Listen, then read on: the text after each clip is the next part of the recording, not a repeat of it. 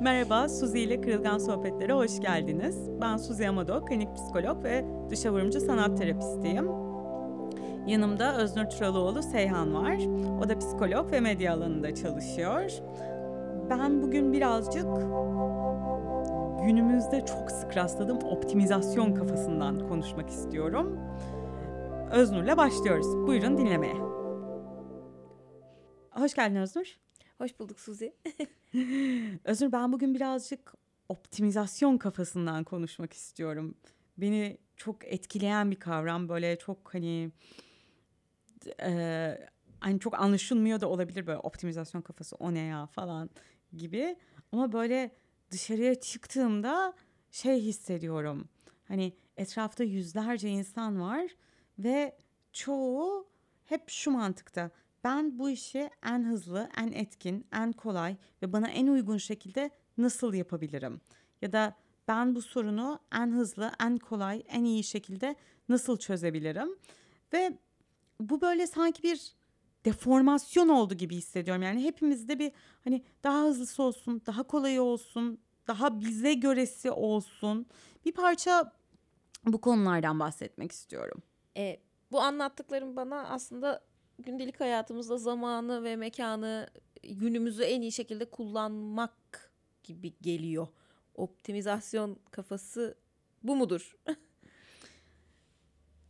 en iyi şekilde kullanmak evet ama hayır değil. Değil. Değil. En iyi şekilde değil de sanki en etkin ve daha da önemlisi en bize uygun şekilde kullanmak. Hı hı. Yani böyle sanki bir şekilde bu benim hayatım ve bana en uygun hale gelmeli. Ben birine mesaj atıyorsam e, hemen yanıtını almalıyım.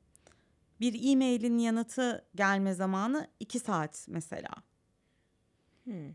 Ee, ve ben e-mail atacağım, o yanıt gelecek ve ondan sonra bir sonraki aşamaya geçeceğiz. Ben bugün işte alışveriş yapacağım, çocuğu okuldan alacağım, şunu yapacağım, bunu yapacağım. Tüm bunları en uygun şekilde nasıl tamamlayabilirim?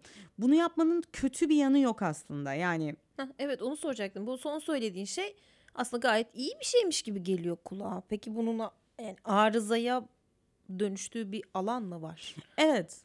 Ya mesela şey e, bazen duygusal yardım eğitimleri veriyorum ya ben kaygıdan bahsediyoruz ve Hı-hı. ben hep şey diyorum kaygı zamanın bir yerinde iyi niyetle başlar ama bir eşiği geçtiğinde insanın e, işlevselliğini düşürür ya da insana zarar vermeye başlar. Hani böyle içini kemirmeye başlar. Bence e, optimizasyon da iyi bir niyetle başlıyor. Yani diyor ki tabii ki sen en çok işi nasıl yapabileceksen, zamanını en anlamlı nasıl geçirebileceksen öyle yaşa diyor. Bu kendi içinde güzel bir şey. Ama onun bir sınırı var. Yani böyle bir eşiği var o eşiği geçince sürekli bunu düşünür hale geliyor insanlar. Mesela ben şuna çok şaşırıyorum ve bazen kendimi de yaparken buluyorum. Metroya bineceğim ve yani merdivenlerden aşağıya inerken o metronun geliş sesini duyuyorum ve daha hızlı yürümeye başlıyorum ve böyle koşup böyle giriyorum ve metronun kapısı kapanıyor mesela ve böyle bir ferahlama hissi geliyor. Oh yakaladım. Ya da kaçırdığımda ya diyorum. Halbuki Happy Top'u iki dakika. Yani orada kaçırılan, kaybedilen bir zaman o kadar da çok yok. Ya da bu merdivenlerden işte yürüyen merdivenlerden inemediğimizde, çıkamadığımızda bir şey oluyoruz. Hani bir dakika ya, yol verin, geçelim falan. Halbuki kazandığımız 30 saniye ve hayatımızın yüzde doksanında yani bir yerlere yetişirken, bir yere giderken, bir yere gitmezken falan bir yere ulaşmaya çalışırken gitmezken komik oldu falan. Ee, aslında o 30 saniyeye çok da ihtiyacımız yok yani 30 saniye geç gitsek, 5 dakika geç kalsak ya da bir sonraki metroya binsek bir şey olmayacak ama sanki ona binmemiz gerekiyormuş gibi. Yani orada akıp giden bir şey var ve onu yakalamamız gerekiyormuş gibi. böyle bir kafaya geçiyoruz ve bu bir süre sonra işte yanıtlamadığımız e-mail kalmamalı gibi. İşte ne bileyim yemek pişireceksek o yemek şu saate kadar pişmeli gibi böyle sürekli bir kendi kendimize bitirme zamanı vermeye başlıyoruz. Yetişilmesi gereken bir yer var ve biz en hızlı şekilde çalışmalıyız. Bu da bizi birazcık makineleştiriyor bence. Yani o zaman zaten çok yoğun akan ve çok yorucu olan gündelik hayatımıza haddinden fazla ya da gereksiz ekstra kaygılar mı eklemiş oluyoruz? Evet. Yoksa işte hayatı bir şekilde kendimize uydururken diğer insanların haklarından mı çalıyoruz? Yoksa ikisi de mi? Yoksa D hiçbiri mi? ben yanlış dersin sınavında mıyım? Neredeyim ben? e hepsi falan. ee, şöyle bence hayatı kendimiz için zorlaştırıyoruz ve başkalarının hakkından çalmaya da meyilli oluyoruz. Ama birileri de bizimkinden çalmaya meyilli oluyor bu süreçte. Yani birileri de kendi hayatlarındaki o en etkin, en e, üretken, en işte akışkan dengeyi bulmak için bizden bir şeyler talep etmeye başlıyor. Tamam. Örnek veriyorum arıyorlar ve biz o telefonu açamadıysak ben sana bunları bunları soracaktım. Bunları sorduktan sonra bunu yapacaktım. Sonra bunu yapacaktım ve sen şimdi benim telefonuma yanıt vermediğin için ben böyle kaldım diyorlar. Hani sanki bir çark var ve bizi de o çarkın bir parçası olmaya itiyorlar ama biz de insanları o çarkın bir parçası olmaya itiyoruz. Ve herkes böyle en etkinliği yaptığında bazı yerlerde sürtüşmeler olabiliyor. Çünkü benim en etkinimle senin en etkinin uymuyor. Anladım. Gibi. Biraz. Hı-hı. Ama anlamadığım bir nokta var. Hı hı. Tamam. Evet ben işte olabilecek her vakti en verimli şekilde kullanmaya çalışıyorum. Buna şu da dahil. Yolculuk yaparken o zaman bir yandan işte e, audiobooklarda, sesli kitaplardan kitap dinlemek bu mesela bir optimizasyon örneği midir? Trafik sıkıştığında işte e, evimden işime giderken ya da bir yere giderken o vakti boşa geçirmemek bir optimizasyon örneği midir? Belki kitap dinlemek şey bir örnek olabilir. Hani her koşulda iyiye yorulabilecek bir e, örnek olabilir ama atıyorum işte o sırada oyun oynamak telefondan. E, ya da işte Instagram'a bakmak. Ya bu da eksik kalmaz. Gazeteleri okumak mesela elinizdeki telefondan. Bu bir optimizasyon örneği midir mesela? Şöyle bence buradaki kilit kelime niyet. Eğer sen orada o yolculukta kitabı bu yolculukta keyifli bir şey yapmak için dinliyorsan optimizasyon değil. Ne güzel. Ya da optimizasyonun sağlıklı olanı diyelim. Hı-hı. Eğer sen o yolculukta o kitabı şundan dolayı dinliyorsan ben her hafta bir kitap dinleyeceğim gibi bir hedef koyduysan kendine ve o hedefe çek atma ihtiyacıyla o kitabı dinliyorsan orada bir sıkıntı var hakikaten vaktin boş, canın o anda Instagram'a bakmak istiyor. O yüzden Instagram'a bakıyorsan okey. Ama ah bir şeyleri kaçırmamalıyım, herkesin ne koyduğunu takip etmeliyim güdüsüyle Instagram'a bakıyorsan ya da kendini uyuşturmak için Instagram'a bakıyorsan yani o anda düşünmek istediğim şeyleri düşünmemek için Instagram'a bakıyorsan ya da oyun oynuyorsan orada bir sıkıntı var. Yine o zamanı iyi değerlendirmek için iş elektronik postalarına orada yanıt veriyorsan ve diyorsan ki hani ben bunları şimdi yapayım eve gidince de çocuğumla daha rahat oyun oynayayım diyorsan bu okey. Ama ben bunlara yanıt vermezsem içimde bir huzursuzluk olacak. Yani hani o huzursuzlukla böyle kalp atışıyla baş edemeyeceğim ya da hani aklımda sürekli böyle beş işlemcili bilgisayar gibi o e-mailler dönecek. Bu yüzden şimdi ben buna yanıt vermeliyim ve ondan sonra çek atıp rahatlamalıyım. Yani o bir zorunluluk bir hani çok dürten bir şey olarak yapıyorsan orada sıkıntı var. Ha bizi dürten hiçbir şey mi yapmayacağız? Hiç mi hiçbir şey mi çek atmayacağız? Tabii ki öyle de değil.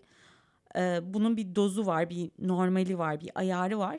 Ama sanki benim gözlemim insanlarda şöyle bir şey oluyor. Hani daha çok yapmalıyım, yetiştirmeliyim, onu da yapmalıyım, bunu da yapmalıyım. Ee, bu da denk gelmeli. İşte kitabı da okumalıyım, e-maillerime de yanıt yazmalıyım, çocuğumla da oynamalıyım.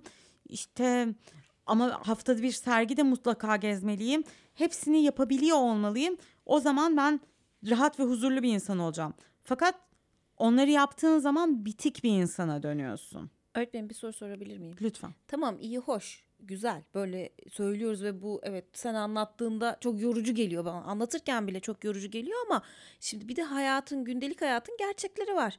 Benden bir sürü bir şey bekleyen bir hayattan bir akıştan bahsediyoruz bireysel olarak. Yaptığınız işle okuduğunuz okulla gittiğiniz yerle aldığınız eğitimle alakalı değil. Herkesin gündelik hayatı bundan 200 sene önceki gündelik hayata göre çok daha yoğun koşuşturmalı e, ve fazla talepkar bir hayat. Şimdi bu bir gerçek. Hı hı.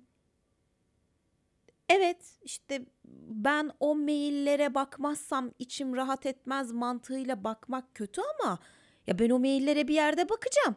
Ben bugün bakmasam yarın bakacağım ve yarın e, o zaman dilimi mesela çok daha güzel bir şeye harcayabilecekken bunun için e, harcıyor olacağım. O zaman bu bana angarya gibi gelen işi şimdi şu anda aradan çıkartmamın kötülüğü ne olabilir?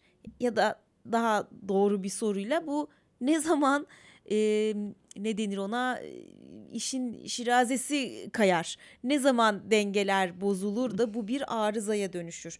Çünkü öbür türlü ya evet maalesef ki vaktim yok. Vaktim yok başka zamanda o mailleri okumaya. O zaman okuyacağım. Ya da işte e, ve maalesef ki o kaygıyı duymazsam da e, o mailleri okumayacağım. Yani o kaygı da bazen bana faydalı olacak. E, nasıl olacak da olacak bu iş? Olacak. olacak. olacak mı bu iş? Olacak hocam. Olacak mı? Ha, olacak olacak. Ee, burada şöyle bir şey var. Yani o e-mailleri okuyup yanıt yazdıktan sonra gerçekten bir sonraki gün keyifli bir şey yapacaksan sıkıntı yok. Ama bence işin arızaya sardığı an bir sonraki günde oraya başka bir iş koyuyoruz. Hmm. Yani hepimizin aslında bir takım boşluklara da ihtiyacı var. Ve o boşlukları yaratmıyoruz çünkü daha çok iş, daha çok şey falan koyuyoruz. Bu şuna da geliyor bir noktadan sonra aynı anda beş işi birden yapmak istiyoruz. Hani çamaşır katlarken o telefon konuşmasını da yapayım. Onu yaparken onu da yapayım. Ve aslında tüm bunlar bizim dikkatimizi de çok dağıtıyor. Ve bizim dikkat toplama kapasitemizi de düşürüyor. O zaman gerçekten o e-maillere yanıt yazarken de dikkatimiz daha kolay dağılıyor. Bu bir ara parantezdi ama arıza yani ne zaman oluşuyor sorusunun yanıtı arıza bir sonraki gün o kazandığın hmm. zamanı başka bir yapılması gereken işle doldurduğunda oluşuyor. Ve bir sonraki Anladım. gün yine, bir sonraki gün yine. Sanki hepimiz bir yapılacak işler listesinden ibaretiz gibi bir durum oluşuyor. Bir listemiz var ve aslında bu çok konuşulan da bir şey. Hani hep yapılacak işler listeleri yapıyoruz ya ben de çok yapıyorum. Ee, ve onun yanına çek atmanın verdiği bir mutluluk var böyle anlık bir tatmin var. Bilmiyorum sen de yaşar mısın Yaşarım bunu? hatta o check listelerine o yüzden e, işte yapılacak işler listesinin başlarına ilk önce yapılmış ya da yapılmakta olan şeyleri koyarım ki şöyle bir iki tane ya zaten bunu yaptım bunu yaptımla başlayayım o, o çok güzel. Aynen ve e, bunu yapan milyonlarca insan var bu arada. ben bir zaman yönetimi kitabı okumuştum David Allen'ın ilk kurduğu cümlelerden biriydi o. İtiraf edin. Yaptığınız işleri yazıp üzerine çek atıyorsunuz yaptıktan evet, o çok güzel bir his. Aynen. Ve bir parça aslında o hisse aşeriyoruz biz. Yani o hissi daha çok yaşamak için daha çok işe çek atmak istiyoruz. Tamamlamak gibi mi bu? Evet. Yaptım. Yarım bırakmamak gibi. Evet yani o yaptım ve bir ferahlık yaşıyorum. Yaptım ve bir ferahlık yaşıyorum. ve bu kadar çok yaptım, yetiştirdim, bir ferahlık yaşıyorumla aslında hayatta birçok şeyi de kaçırıyoruz.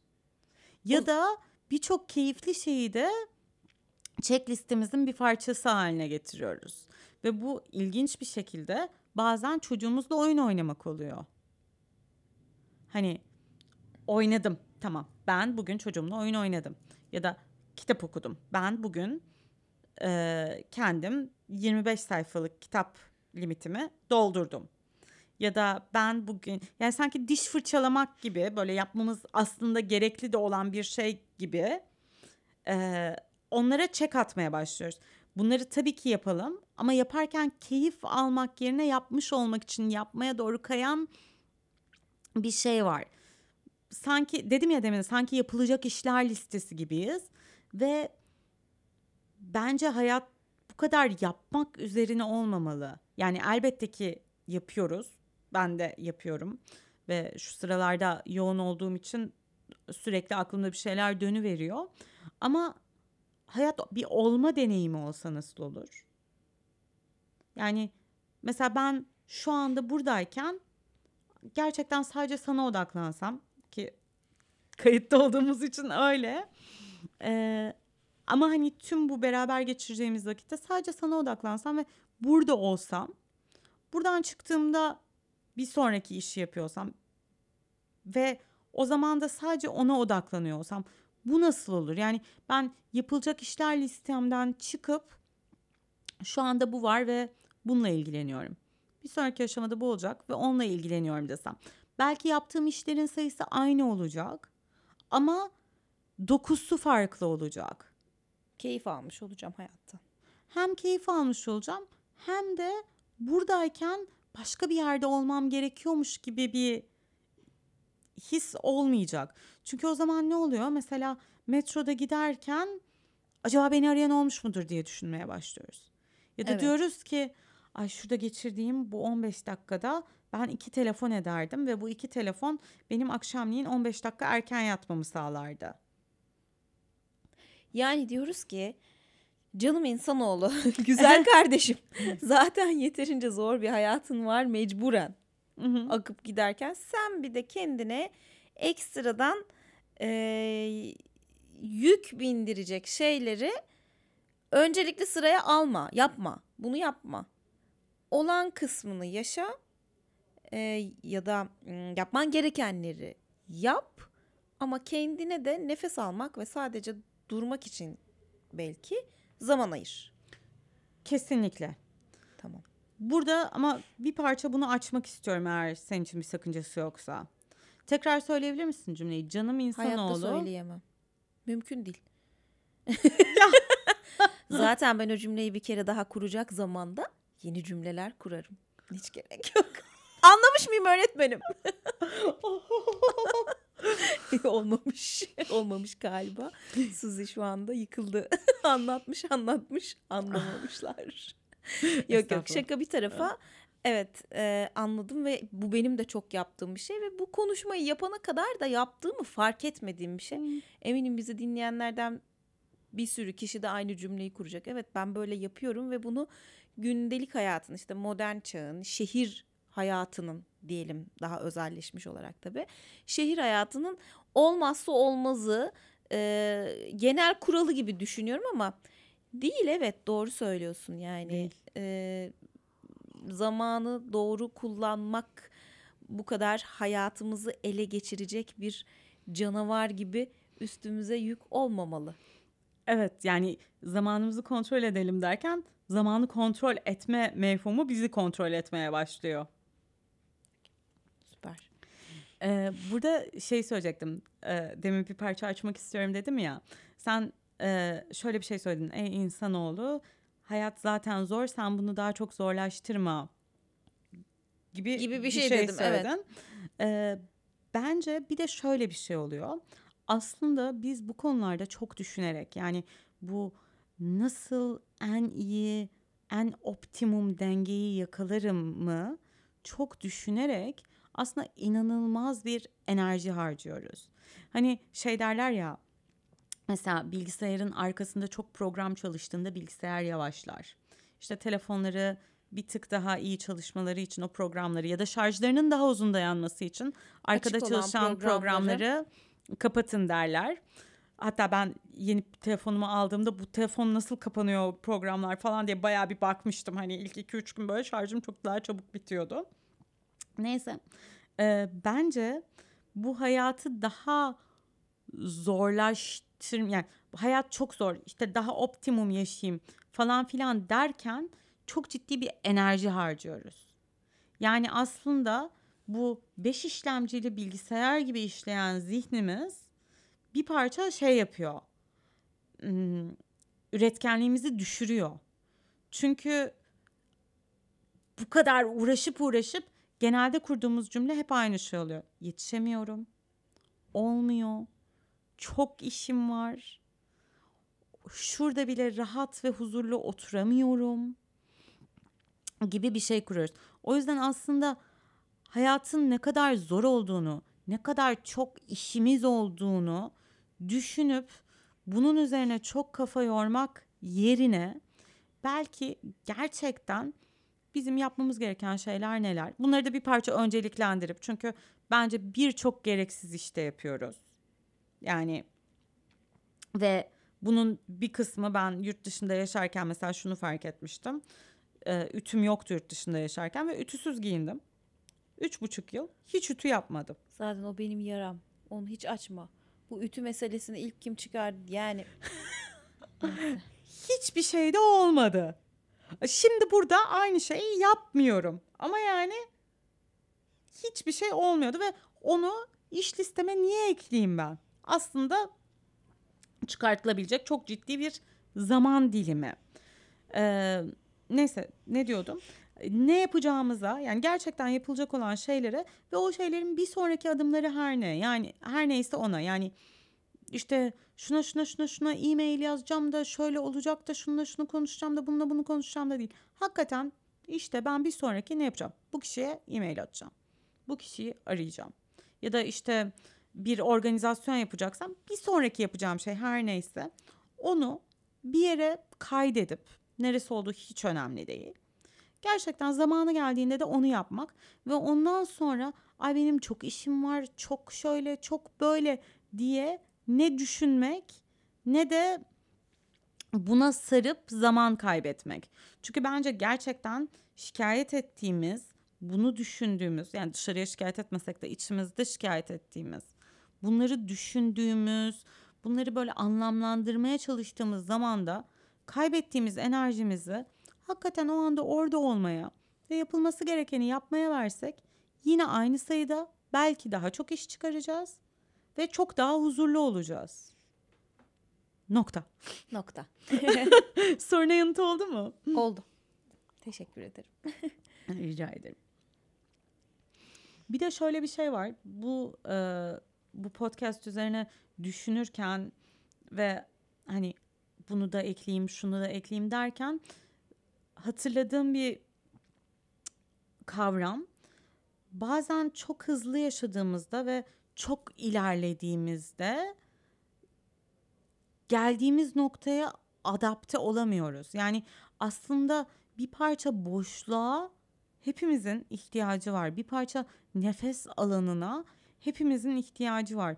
Biz buna birazcık şey diyoruz. Gittiğin yola ruhunun da yetişmesi gerek. Hani geldim, duruyorum ve evet şimdi burada olmaya alışması gerek gibi kavramsallaştırıyoruz. Ay kavramsallaştırmak da çok kötü bir kelime oldu. Yani kavramsallaştırmıyoruz. Hani böyle bir düşünce var diyeyim. Ve belki hani bu kadar çok şeyi yaparken ara ara mola almak. Bu hani ben bunu işte günde en az 20 dakika meditasyon yaparak yapmayı seviyorum. Ve gerçekten tüm günümün akışını çok değiştirdiğine inanıyorum. Yapmadığım günlerde de daha böyle bir şimdi ne falan diyorum. Ee, ama başka yolları da var bunun. Yani o her işte atıyorum saat başı üç nefes almak ve o nefesi fark etmek ve bir es vermek hayata. Bir kendi içine bakmak ve ben şu an ne yaşıyorum ya ne, ne durumdayım? Şimdi ne yapacağım demek. Yani o sarmallara girmemek. Hani hep diyoruz ya bir şey düşünmekten kendimizi alamadığımızda ondan çıkmamız gerek diye. Bence bir takım işleri yapmaktan kendimizi alamadığımızda da bir dur deyip ben bunu niçin yapıyorum demek. Ve bence gerçekten baktığımızda birçok gereksiz işte yaptığımızı fark edeceğiz. Ve bence bu kadar makineleşince aslında hayatta birçok şeyi atlamaya başlıyoruz. Yani metroya bindim. Evet şimdi 12 dakikada geleceğim ve bu 12 dakika içerisinde bu podcast'te konuşacağım şeylere şöyle bir göz atmalıyım ve bu arada hiç kimseyle göz göze gelip gülümsemeye vaktim kalmıyor. Ya da işte biriyle karşılaşıyorum böyle bir merhaba nasılsın ne haber diyeceğim ama yetişmem gereken bir şey var ve oradaki e, insani bağı kaçırıyorum. Böyle böyle bence daha az teşekkür eden, daha az pardon diyen birine çarptığında daha az zariflikler yapan insanlara dönüştük. Ve hani böyle sanki hiç kimsenin nezakete, zerafete, küçük mutluluklar vermeye vakti kalmadı ya da ilgisi kalmadı. Ve aslında hayatı daha güzel yapan şeyler bunlar. Biz mekanikleştikçe bunları da kaybediyoruz. Evet. Doğru. Ve belki bunu deneyebiliriz. Yani bu işte ne kadar daha çok iş yapabilirim işte şöyle böyle yani 10 işlemcili bilgisayardan tek işlemcili bilgisayara düşüp ya da bir be, zihnimizdeki bir takım programları bir yere geldiğimizde kapatıp orada küçük mutluluklar yakalamaya, küçük mutluluklar saçmaya bunlara da bir parça odaklanabiliriz gibi geliyor. Çünkü aslında ne olursa olsun hala en değerli şey insan insana bağ. Hala birbirimizi iyileştiren, birbirimizi şifalandıran şey yakalayabildiğimiz o küçük insan insana bağ anları ve bunlar çok basit şeylerle oluyor. Onları yakalamaya bakabiliriz sanki.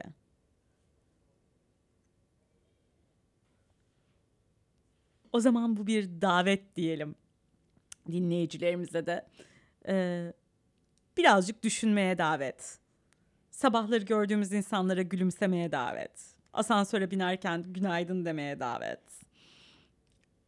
Bir şeyleri optimum yapmaya çalışırken bunu optimum yapmasam da keyif alacağım şekilde yapsam nasıl olurdu demeye davet. Ve ara ara es almaya davet. Süper. Çok güzel.